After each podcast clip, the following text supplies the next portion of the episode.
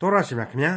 ထာဝရရှင်မြတ်စွာဘုရားသခင်ရဲ့သားတော်လူသားတိုင်းရဲ့ကယ်တင်ရှင်သခင်ယေရှုခရစ်တော်ကိုယုံကြည်ကိုးကွယ်ကြတဲ့ခရိယန်အတိုင်းဝိုင်းအဖွဲ့အစည်းတွေကခရိယန်တွေဟာ၆ပြစ်ကင်းတဲလဲစင်တဲ့သူတွေကြီးပဲလို့ထင်မြင်ယူဆပါသလားသိရင်ငရဲမလားဖို့အတွက်သာလျှင်ကယ်တင်ရှင်သခင်ယေရှုခရစ်တော်ကိုယုံကြည်လို့ခရိယန်တူဖြစ်လာခဲ့ပြီမဲ့တခြားသူတွေထက်တောင်မှဆိုးဝါးယုံမာတဲ့ခရိယန်တွေရှိကြတယ်ဆိုတာကိုမအံ့ဩပါနဲ့ အဲ့ဒီလိုခရိယန်ကလိန်ကြုံတွေဟာအခုခေတ်အခုအခါမှရှိလာကြတာမဟုတ်ပါဘူးယေရှုခရစ်တော်ကောင်းကင်ဘုံကိုပြန်လဲတက်ကြွပြီးစာအချိန်မှကလေးကရှိခဲ့ကြတာပါအဲ့ဒီလိုခရိယန်တွေထဲမှာမဆိုင်တဲ့အသေးအဖွဲကလေးတွေကျင့်စဉ်တွေဝေါ်ဟာရတွေအစွဲအလန်းကလေးတွေနဲ့ယေရှုခရစ်တော်ရဲ့နာမတော်ကိုရောင်းစားပြီးကိုကြိုးစီးပွားရှာနေကြတဲ့ခရိယန်တွေကိုတွေ့ရင်လည်းမအံ့ဩပါနဲ့ဒါပေမဲ့ဒီထက်ကြောက်စရာကောင်းတဲ့အပြစ်မရှိဘူးဆိုတာကိုတော့ သတိချကြရမှာဖြစ်ပါတယ်။အဲ့ဒီလိုလူမျိုးတွေကိုရှောင်ကြရမယ့်အကြောင်းလဲဖော်ပြထားတဲ့ခရိယန်သမာကျမ်းဓမ္မသစ်ကျမ်းပိုင်းတွေကယောမဩဝါဒစာရဲ့နောက်ဆုံးအခန်းကြီးဖြစ်တဲ့အခန်းကြီး16အခန်းငယ်30ကနေအခန်းငယ်29အဆုံးအထိကိုဒီကနေ့သင်သိရသောတမန်ကျမ်းအစီအစဉ်မှာလေ့လာမှာဖြစ်ပါတယ်။ကောင်းတဲ့အမှုအရာတွေမှာပညာရှိကြဖို့နဲ့ဆိုးဝါးတဲ့အမှုအရာတွေမှာအပြစ်ကင်းစင်ကြဖို့သတိပေးချက်လည်းပါဝင်တဲ့ ယောမဩဝါဒစာအခန်းကြီး16အခန်းငယ်30ကနေအခန်းငယ်29အဆုံးအထိကိုဒေါက်တာထွန်းမြတ်အေးကအခုလိုသုံးသပ်တင်ပြထားပါတယ်။မိတ်ဆွေတော်တတ်ရှင်အပေါင်းတို့ခမညာဒီကနေ့မှာတော့နှုတ်ကပတ်တော်တဲကဩဝါဒကျမ်းကြီးတွေအနက်မှာပထမဦးဆုံးဩဝါဒစာကြီးဖြစ်တဲ့ယောမဩဝါဒစာရဲ့အဆုံးသတ်ရမယ့်အပိုင်းကိုရောက်လာပါပြီ။ဟုတ်ပါတယ်ယောမဩဝါဒစာရဲ့အခန်းကြီး16အငယ်30ကနေအဆုံးအထိဒီကနေ့ဆက်လက်လေ့လာရင်းနေ ဒီဩဝါဒစာကိုဏီကုံးချုပ်ရတော့မှာပါပြီးခဲ့တဲ့အပိုင်းမှာဆိုရင်ယောမမြို့တော်ကြီးကကျွန်အဆင့်အတန်းကနာမည်တစ်ခုကိုရယူထားခဲ့သူသတ္တာခုရဲ့မြို့နယ်ကသိုးသွန်းလူငယ်သို့မဟုတ်ဂလေကချေဆိုတဲ့အဆင့်ကိုဖော်ပြထားတဲ့ဥရဘန်ဆိုတဲ့လူတွေရဲ့ကိုရှင်ပေါလုဟာနှုတ်ဆက်ခဲ့ပြီးတဲ့နောက်ဘသူတွေကိုဘယ်လိုအမည်နာမတွေခေါ်ဝေါ်နှုတ်ဆက်အောင်မယ်ဆိုတာကိုအခုကြားနာရပါတော့မယ်ကျွန်တော်ကအဲ့ဒီလိုဖော်ပြလိုက်လို့ ဒီအတိတ်ကလူသားတွေဟာသူတို့ရဲ့အတိတ်ကအရေးမဲရီကြားမှာပဲရှင်သန်နေကြတယ်လို့တော့မထင်ကြပါနဲ့နော်အပြစ်ဒုစရိုက်သားတို့ကိုကဲတင်ချင်းအလင်းရဖို့ပြညွှန်းနေတဲ့ကြမ်းကြီးတဲကအလင်းရဲ့ဘက်တော်သားတွေသူတို့ဖြစ်ကုန်ကြပြီအတိတ်ရဲ့အရေးခွန်တွေကိုအကုန်သူတို့ချွတ်ခဲ့ပြီးပြီဆိုတာကိုကျွန်တော်တို့နားလည်ထားရပါလိမ့်မယ်ယောမဩဝါဒစာအခန်းကြီး16အငယ်30တပဲ့တော်စစ်ဖြစ်သောအာပေလနှင့်အာရိတ်တော်ဘူးလူဤအိမ်သူအိမ်သားတို့ကိုနှုတ်ဆက်ကြလော့ ဒီနေရာမှာကြားရတဲ့အပေလာဆရာဟာ Greek အမည်ဖြစ်နိုင်တယ်လို့ဂျူးနာမည်ဒီထဲမှာလေအတော်အတန်တွေ့ရတဲ့နာမည်မျိုးဖြစ်ပါတယ်ဒီပုဂ္ဂိုလ်ဟာအလွန်ထင်ရှားခဲ့တယ်လို့သမိုင်းကဆိုပါတယ်စမိုင်းနာသို့မဟုတ်ဟာရကလေဆိုတဲ့ဒေသဒီမှာရှေးဦးအသင်းတော်များရဲ့ဂိုင်းအုပ်ဆရာတော်ကြီးတစ်ပါးဖြစ်လာတယ်လို့အဆိုရှိပါတယ်အရိတ်တော်ဘူးလူဆိုတာကတော့ Bishop Lightfoot ရဲ့အဆိုအရဟေရုဒ်မင်းမျိုးအနွယ်အဝင်ဖြစ်တယ် အကယ်၍သွေးဆက်အရာဟေရုဒ်နဲ့အမျိုးမတော်ဘူးဆိုရင်တောင်မှဟေရုဒ်ရဲ့ကျွန်တယောက်ဖြစ်ခဲ့ပြီးမှသူ့ဆရာသူ့ရဲ့သခင်ဖြစ်သူဟေရုဒ်အမျိုးရဲ့နာမည်ကိုယူခဲ့တာဖြစ်လိမ့်မယ်လို့ကျွန်တော်တို့ခံမှန်းနိုင်ပါတယ်တိတိကျကျတော့လည်းမဟုတ်ပါဘူးတိကျတာကတော့လူမြည်သည်ကခရစ်တော်၌ရှိလျင်အသစ်ပြုပြင်ခြင်းခံရသောတတ္တဝါများဖြစ်သည်ဆိုတဲ့အချက်ပါပဲဟုတ်ပါတယ်အခုယောမကယုံကြည်သူအပေါင်းတို့အကြောင်းကိုပြန်ကြည့်လေအခုကျွန်တော်တို့ကြားရတဲ့အထိ ယုံကြည်သူခရိယန်ဆိုတဲ့ရှေးသန့်ရှင်းသူများအဖြစ်သူတို့တွေဟာအ내ရောင်ရှိကြတဲ့အတိတ်ကနေခုံထွက်ရောက်ရှိလာကြတဲ့အလင်းရောက်ယုံကြည်သူတွေပဲဖြစ်နေတယ်ဆိုတာရှင်းရှင်းကြီးပေါ်ထွန်းနေပြီမဟုတ်ဘူးလားယောမဩဝါဒစာအခန်းကြီး16အငယ်17ငါဤအဆွေအမျိုးဟေရောဒရုန်နှင့်တပည့်တော်ဖြစ်သောနာကိသူဤအိမ်သူအိမ်သားတို့ကိုနှုတ်ဆက်ကြလော့အခုဟေရောဒရုန်ဆိုတာဟာပေါလုရဲ့အဆွေအမျိုးလို့ပြောပြီးမြဲရက်ဆွေရက်မျိုးအဆင့်ဖြစ်တယ်ဆိုတာသိရပါတယ် သူဟာလည်းအမိနာမည်ကိုကဟေရုနဲ့ဆက်နွယ်မှုရှိနေပါတယ်ဒါပေမဲ့အဲ့ဒီအချိန်မှာကျွန်တပေါက်အများစုဟာသူတို့သခင်တွေရဲ့မိသားစုနာမည်တွေကိုယူဆွဲတတ်တဲ့အကျင့်ရှိတဲ့အတွက်အာရိတ်တော်ဘူးလလိုပဲမသေးကြတဲ့အမျိုးအနွယ်ပဲလို့ဆိုကြပါလေနာကိတုဆိုတာကတော့လွတ်မြောက်ခွင့်ရသောသူလို့ဆိုလိုပါတယ်ဒါကြောင့်မလို့အဲ့ဒီအတိတ်ပဲအရာအတိတ်ကာလတုန်းကသူဟာလေရာဇဝတ်သားတယောက်ပဲဖြစ်ရပါလိမ့်မယ်မိษွေအပေါင်းတို့ခမညာ အမှန်တကယ်စဉ်းစားလိုက်ရင်ကယ်တင်ရှင်သခင်ခရစ်တော်ရဲ့အထံတော်ကိုခိုးလှုံသူအပြစ်သားမှန်သမျှတို့ဟာအဲ့ဒီနာကိသူသို့မဟုတ်လွတ်မြောက်ခွင့်ရသောသူများကြီးပဲဖြစ်ပါလေအမည်နာမအဖြစ်နာကိသူမဟုတ်ချင်ရင်လည်းနေပါစေအသက်တာဟာအမှန်တကယ်ပဲအပြစ်ဒုစရိုက်အတိတ်ဘဝကနေဂွင်းလုံးကျွတ်လွတ်မြောက်လာသူများဖြစ်ဖို့ဟာအလွန်တရာမှအရေးကြီးလာပါတယ်ယောမဩဝါဒစာအခန်းကြီး16အငယ်7သခင်ဖျား၏အမှုတော်ကိုကြိုးစားသောမိမ တရုဖဲနာနှင့်တရုဖောသကို၎င်းသခင်ဖျား၏အမှုတော်ကိုအလွန်ချစ်အပ်သောပေရတိကို၎င်းနှုတ်ဆက်ကြလော့တရုဖဲနာနဲ့တရုဖောသဆိုတာတွေဟာစိတ်ကူးရင်ဆန်တဲ့အမည်တွေဖြစ်ပါတယ်သူတို့ဟာအသက်အရွယ်အတန်အသင့်ရှိတဲ့အမျိုးသမီးကြီးတွေဖြစ်လိမ့်မယ်ပြီးတော့ဘုရားသခင်ရဲ့အမှုတော်ကိုစ조사ဆောင်ရွက်တဲ့မိမတွေလို့ဆိုထားတဲ့အတွက်ကြောင့်တမန်တော်ကြီးရှင်ပေါလုရဲ့အတိတ်ကာလခရီးစဉ်တွေမှာအများကြီးကူညီသမှုပြုခဲ့ကြလိမ့်မယ်လို့ကျွန်တော်တို့အဖြေထုတ်နိုင်ပါတယ် အခုယောမအသင်းတော်စီကိုရှင်ပေါလုဩဝါဒစာများရေးနေတဲ့အချိန်မှလေအသင်းတော်ရဲ့ဝေယဝဆပေါင်းများစွာကိုဒီအမျိုးသမီးကြီးတွေဟာဒိုင်ခံအပင်ပန်းခံဆောင်ရွက်နေကြလိမ့်မယ်လို့ကျွန်တော်ကတော့အောက်မေ့မိပါတယ်အဲ့ဒီအမျိုးသမီးကြီးတွေတဲ့မညံ့တဲ့အဆင့်မှာရှိတာကတော့ချစ်အပ်သောမိမပေရတိသို့မဟုတ် parasis ပဲဖြစ်ပါတယ်သူကတော့မိမရွယ်ကလေးဖြစ်လိမ့်မယ်အလုတ်အကင်ကလေးတွေနဲ့ပတ်သက်လို့မျက်နာဘယ်တော့မှမပြတ်တတ်သူ စိတ်ဆိုးမှန်ဆိုဘယ်တော့မှမရှိတတ်တဲ့သူစိတ်ဘယ်တော့မှမကောက်တတ်တဲ့သူသဘောထားအလွန်နူးညံ့သိမ်မွေ့သူကလေးပဲဖြစ်လိမ့်မယ်လို့ကျွန်တော်အဖြေထုတ်ယူလိုက်ပါတယ်အငယ်73မြတ်သောတပည့်တော်ရုဖုနှင့်သူ၏အမိဒီဟုသောငါ၏အမိကိုနှုတ်ဆက်ကြလော့ရုဖုသို့မဟုတ်ရူဖာဆိုတာဟာမောင်နီဆိုတဲ့အဓိပ္ပာယ်ရပါတယ်သူဟာအေသောဒါဝိဒ်တို့လိုပဲသပင်နီကြောင်ညောင်းတဲ့လူတစ်ယောက်ဖြစ်တယ်လို့တန်ဆွမ်းအားကောင်းသူတစ်ယောက်လည်းဖြစ်လိမ့်မယ်လို့ကျွန်တော်တွက်ဆပါတယ် ဒါပေမဲ့အေသောလိုမိုက်ရိုင်းသူမဖြစ်နိုင်ပဲဒါဝိဒ်လိုဖျားသခင်ကိုကြောက်ရွံ့ရိုသေစွာအားကိုးခိုလုံသူဖြစ်ရပါလိမ့်မယ်ဘာဖြစ်လဲဆိုတော့သူ့ရဲ့နာမဝိသေသနအဖြစ်ဖော်ပြထားတာကိုရှင်းနေပြီလေမြတ်သောတပည့်တော်လို့ဖော်ပြထားတယ်မဟုတ်ဘူးလားအဲ့ဒီဝေါ်ဟာရကိုတွေ့ရတော့တပည့်တော်သာဖြစ်ခဲ့တယ်မမြတ်သောတပည့်တော်တွေအဖြစ်သိက္ခာတွေအဆုံးအထိကြသွားရသူတွေအကြောင်းကိုအောက်မေ့သတိရစရာပဲဖြစ်ပါလေအထူးသဖြင့်ယူရရှကာယုတ်ကိုမိတ်ဆွေတို့ကွက်ခနဲ့မမြင်အောင်မိဘူးလား ကျွန်တော်ကတော့အထူးပဲသတိရမိတယ်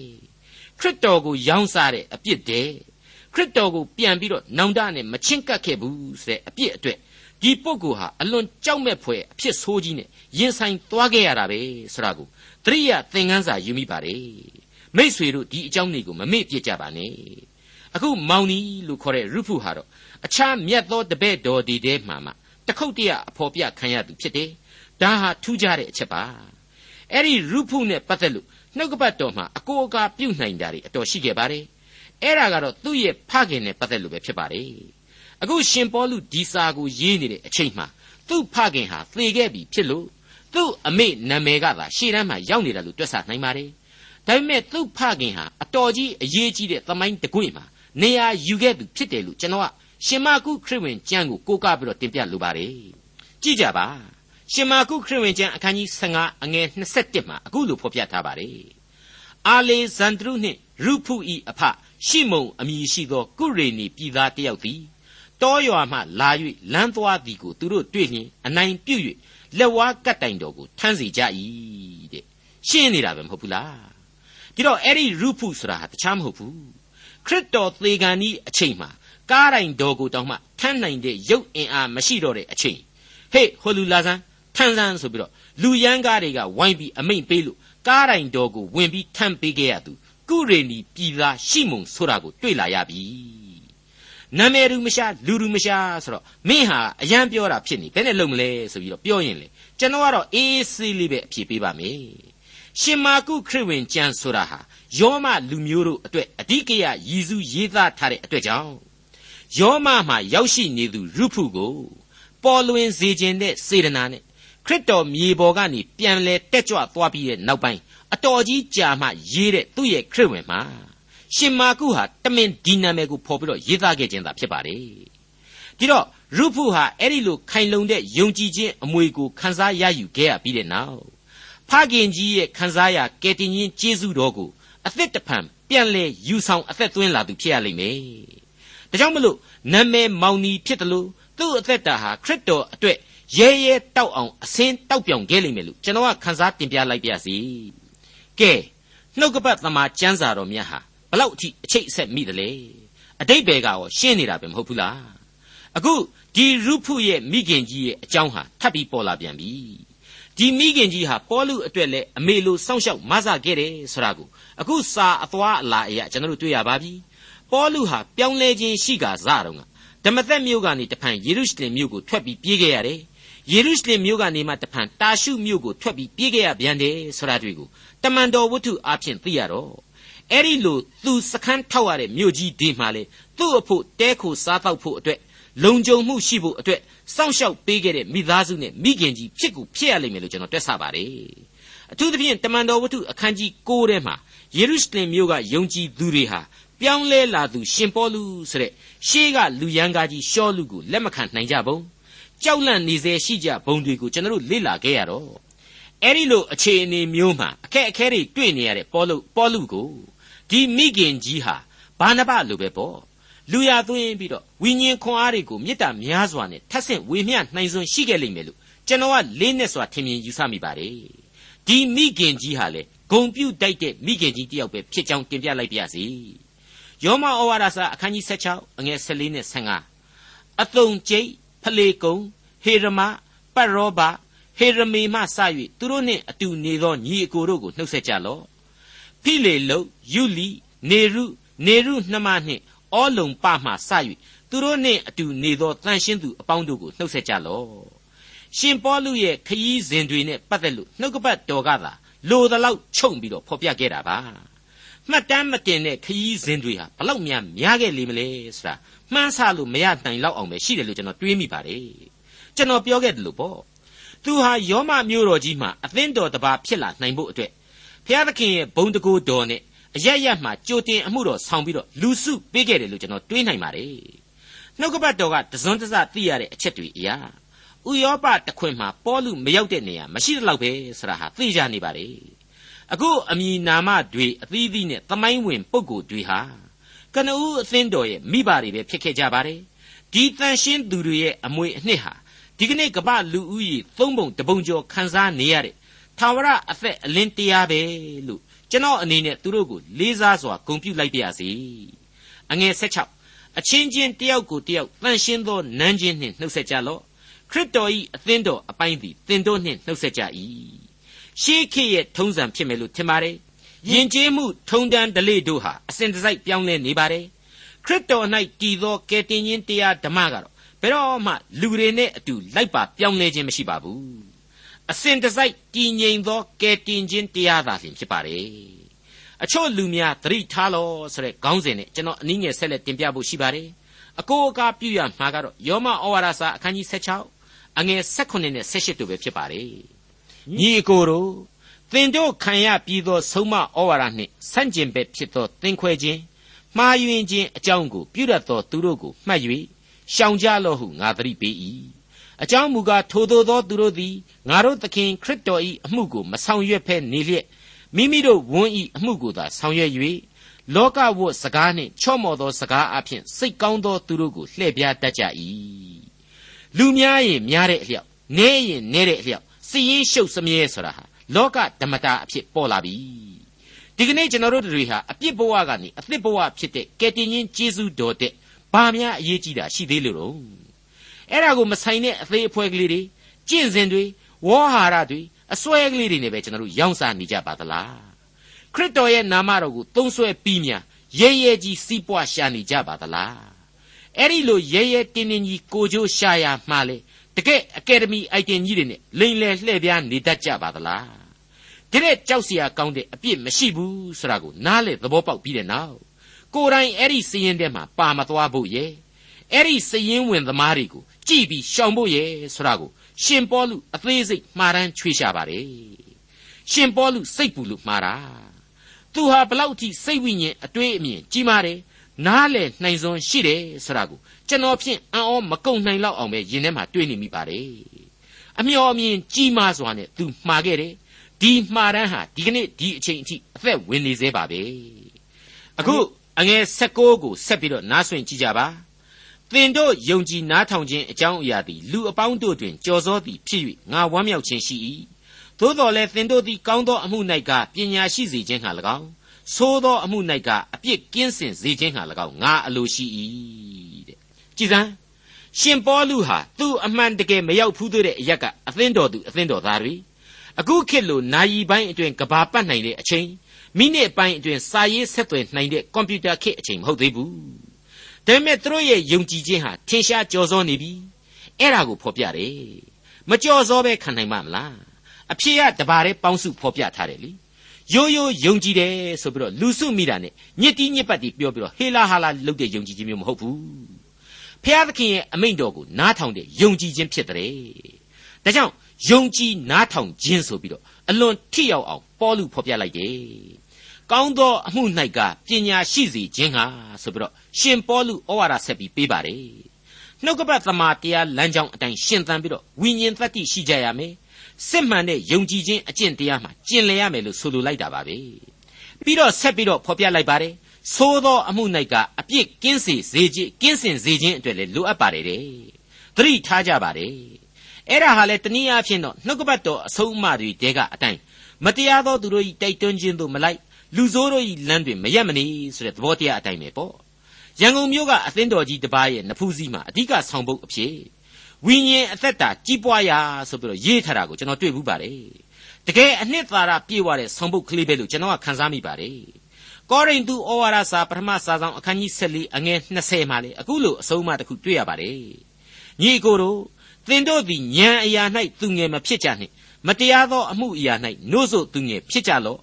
ဉာဏ်အရာ၌အသက်ကြီးသောသူဖြစ်ကြလော့တဲ့ဘလောက်ကောင်းတယ်လေအတိတ်ဘယ်ကရိုးရိုးရှင်းရှင်းကလေးနော်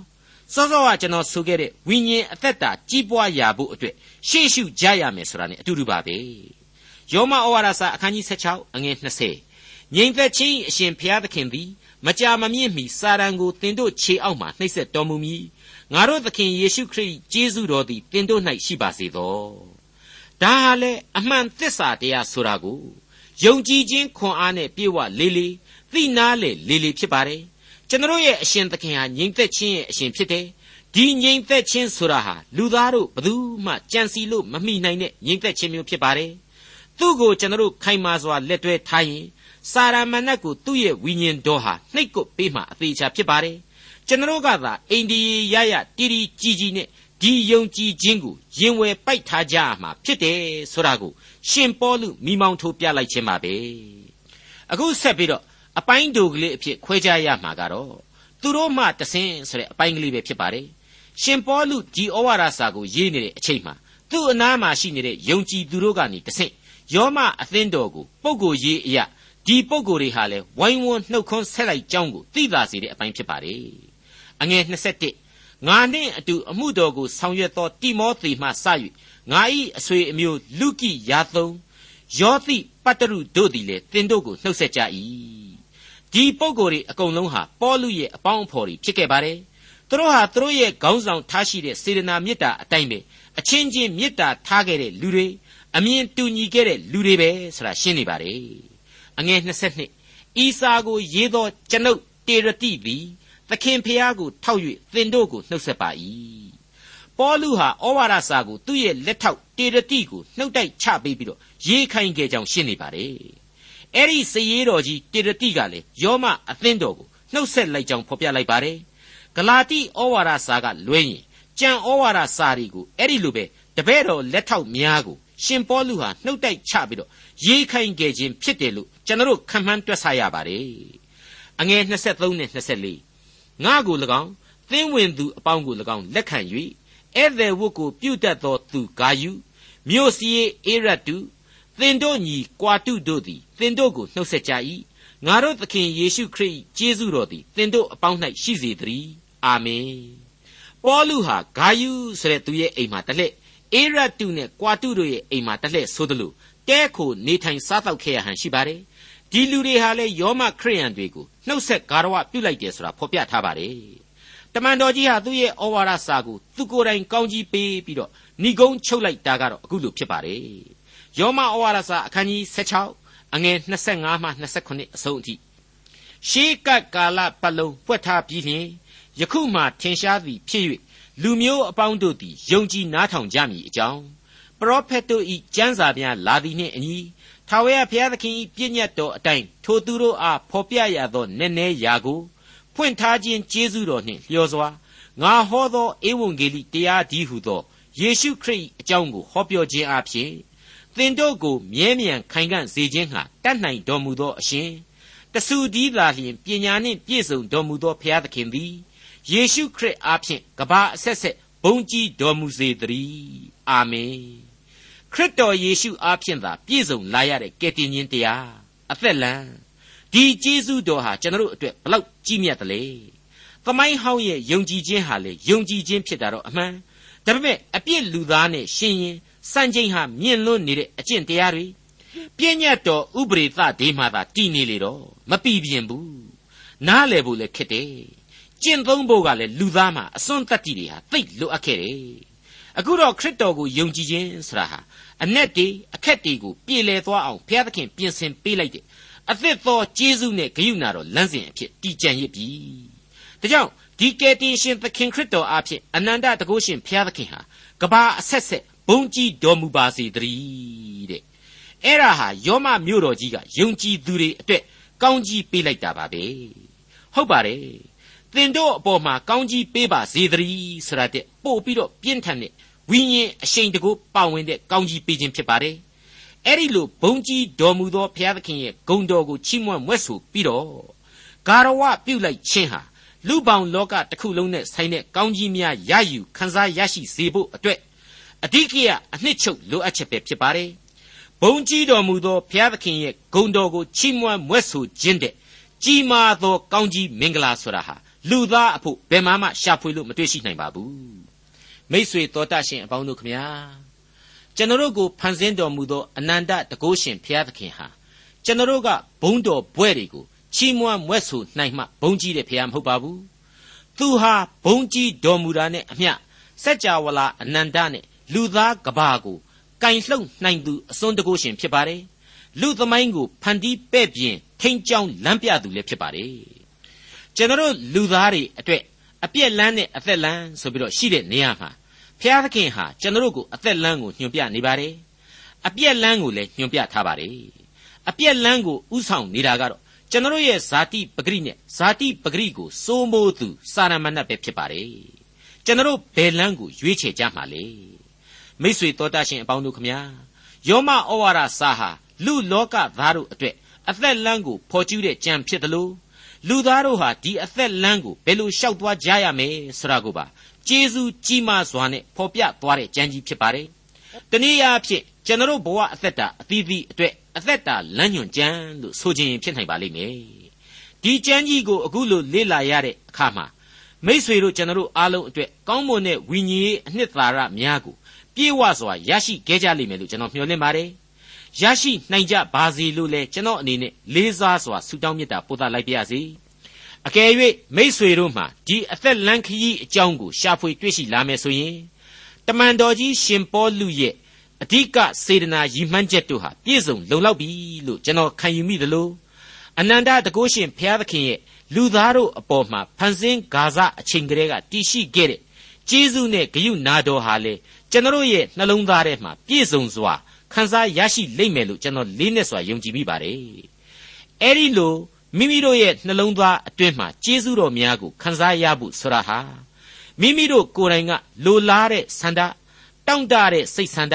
မွန်မြတ်တဲ့နှလုံးသားရှိမှသာရရှိနိုင်မှာဖြစ်ပါတယ်။ကျေးဇူးနဲ့ဂရုဏာတော်ဆိုတာကတော့အစဉ်တစိုက်ကျွန်တော်ရဲ့နှလုံးသားတကားဝမှာစောင့်ဆိုင်နေပြီးသားဖြစ်တယ်ဆိုတာကိုအစဉ်တစိုက်သတိရရှိထားဖို့လိုပါတယ်။မိတ်ဆွေတော်တတ်ရှင်အပေါင်းတို့ခမညာ တမန်တော်ကြီးရှင်ပေါလုဟာယောမဩဝါဒစာကိုသူမရောက်ဖူးသေးတဲ့ယောမကိုအဝေးကနေပင်လျင်တန်ရှင်းသောဝိညာဉ်တော်အားဖြင့်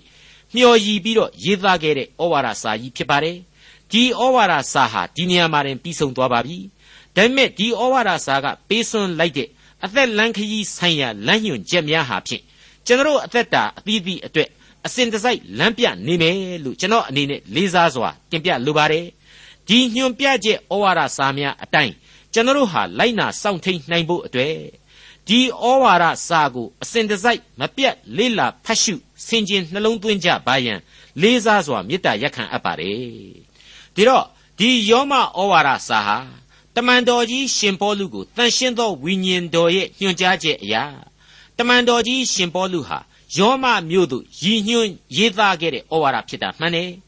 ဒါပေမဲ့ သူ့ရဲ့ဥတီချက်ဟာလူသားအလုံးတို့ရဲ့နှလုံးသားများဖြစ်တယ်ဆိုတာကိုကျွန်တော်သေချာစွာသဘောပေါက်နားလည်နိုင်ပါတယ်ဒါကြောင့်မို့လို့လေကျွန်တော်ဟာယောမဩဝါဒစာဤဂုံပုတ်ဆိုပြီးတော့ယောမဩဝါဒစာဤမွန်မြတ်ပြည့်စုံခြင်းအကြောင်းကိုကြပြာတပုတ်နဲ့ဂုံပြုတ်ဆက်ဆိုလိုပါတယ်ယောမဩဝါဒစာဤဂုံပုတ်သမိုင်းထင်ရှားအပြစ်သားဤများမြောင်မှားယွင်ဘဝတွင်ဝဲလင်းရောင်ပြိုးပြက်လျှက်သို့လက်သည့် စွဲမဲ့သဝန်စွာမေတ္တာစာဟုယင်မှသိမ်မွေ့ခန်းစားတွေ့သည်ညွှန်းရီဒီကပြည်ရောမှာဥတီဒီကဤလောကထူးသည်ဤမြဩဝါဒဆုတောင်းကြပါစို့ကောင်းကင်ဘုံ၌ရှိတော်မူ၍ကျွန်တော်တို့ကိုအစဉ်အမြဲချစ်တော်မူသောယေရှုရှင်ဖခင်ဆောဘုရားသခင်ကိုရရှင်ဤကျေးဇူးတော်ကြောင့်တင်သိအပ်သောတမန်ကျန်သင်ခန်းစာပေါင်းမြောက်များစွာတို့ကိုကျွန်တော်တို့သည်လေ့လာ၍ပြီးဆုံးခဲ့ပါပြီ အထူးသဖြင့်ဤယနေ့ဤအချိန်တွင်ယောမဩဝါဒစာဤသင်ခန်းစာများကိုဂန္ဓတစ်ခုအဖြစ်ကျွန်တော်တို့ရန်နာနိုင်ခဲ့ပြီဖြစ်ပါ၏ကိုရရှင်ပေးသနာတော်မူသောဝိညာဉ်ခွန်အားပေါင်းမြောက်များစွာတို့ကိုကျွန်တော်တို့သည်နေညမပြတ်ဆင်ခြင်နှလုံးသွင်း၍မိမိတို့ဤသာဝရအသက်တာကာလလန်ခရီစုကျေးဇူးကိုရရှိခံစားနိုင်ဖို့ရန်အတွက်လက်တွေ့ကျင့်ဆောင်နိုင်သောသူများဖြစ်ဖို့ရန်အစဉ်တစိုက်သွန်သင်လမ်းပြတော်မူပါ သင်သိရသောတမန်ကျမ်းစာဤအချို့သောအပိုင်းများတို့သည် အလွန်တရာမျှခက်ခဲနေနေ၍အတိတ်ပဲပြန်ဆိုရမှာကိုရရှိတန်ရှင်းသောဝိညာဉ်တော်လမ်းပြပို့ဆောင်တော်မူခြင်းလွန်စွာလိုအပ်ပါ၏ထို့ကြောင့်ကျွန်တော်တို့သည်မိမိတို့ဤကာယခွန်အားမိမိတို့ဤအုံနှောက်အစွန်းတတ္တိသာမန်အားဖြင့်ကိုရရှိနှုတ်ကပတ်တော်ကိုလေ့ကျက်ခြင်းမဟုတ်ဘဲတန်ရှင်းသောဝိညာဉ်တော်ဤလမ်းပြပို့ဆောင်တော်မူခြင်းကိုအစဉ်တစိုက်အားကိုး၍ လေးလာလိုက်စားမှတ်သားနာယူနိုင်သောသူများဖြစ်နိုင်ဖို့အခွင့်ကိုပေးတော်မူပါကျွန်တော်ဘာသာပြန်ဆိုရသောလုပ်ငန်းအသီးသီးမှလည်းကိုရောရှင်သာလျှင်ဥဆောင်တော်မူ၍ကိုရောရှင်သိစေလိုသောအချက်များကိုကျွန်တော်သည်မိမိတို့၏နှလုံးသားအတွင်း၌ကိုရောရှင်ကျေးဇူးတော်ကြောင့်ရယူခံစားထိတွေ့နိုင်သောသူများဖြစ်နိုင်ဖို့အခွင့်ကိုပေးတော်မူပါဤသင်ခန်းစာများဤရှေ့အနာဂတ်လန်ခရီးအတွက်လည်းကိုရောရှင်ကြိုတင်ပြင်ဆင်၍ပေးတော်မူပါ ပုံမို၍ကြီးမားသောဝိညာဉ်ခွန်အားဖြင့်နှုတ်ကပတ်တော်ကိုမွန်မြတ်သောစိတ်ဓာတ်နှင့်လေးလာမှတ်သားနာယူနိုင်ဖို့ရန်ကျွန်တော်တို့တူးစီတို့ကိုဆက်လက်၍ခွန်အားများသွန်းလောင်းမဆသနာတော်မူပါမည်အကြောင်းကယ်တင်ရှင်သခင်ခရစ်တော်ဤမဟာနာမတော်ကိုအမိပြု၍အလွန်ယိုသေးလေးမြတ်ခြင်းဖြင့်ဆုတောင်းအသနာခံဝန်ပါသည်ဖဖျားအာမင်ဒေါက်တာထွန်းမြတ်အေးစီစဉ်တင်ဆက်တဲ့တင်ပြတော်တမချန်းအစီအစဉ်ဖြစ်ပါတယ်နောက်တစ်ချိန်အစီအစဉ်မှာ ခရိယန်တမန်ကျမ်းဓမ္မဟောင်းကျမ်းပိုင်းတွေကဣသရမှတ်စာကိုစတင်လေ့လာမှဖြစ်တဲ့အတွက်စောင့်မျှော်နားဆင်နိုင်ပါတယ်။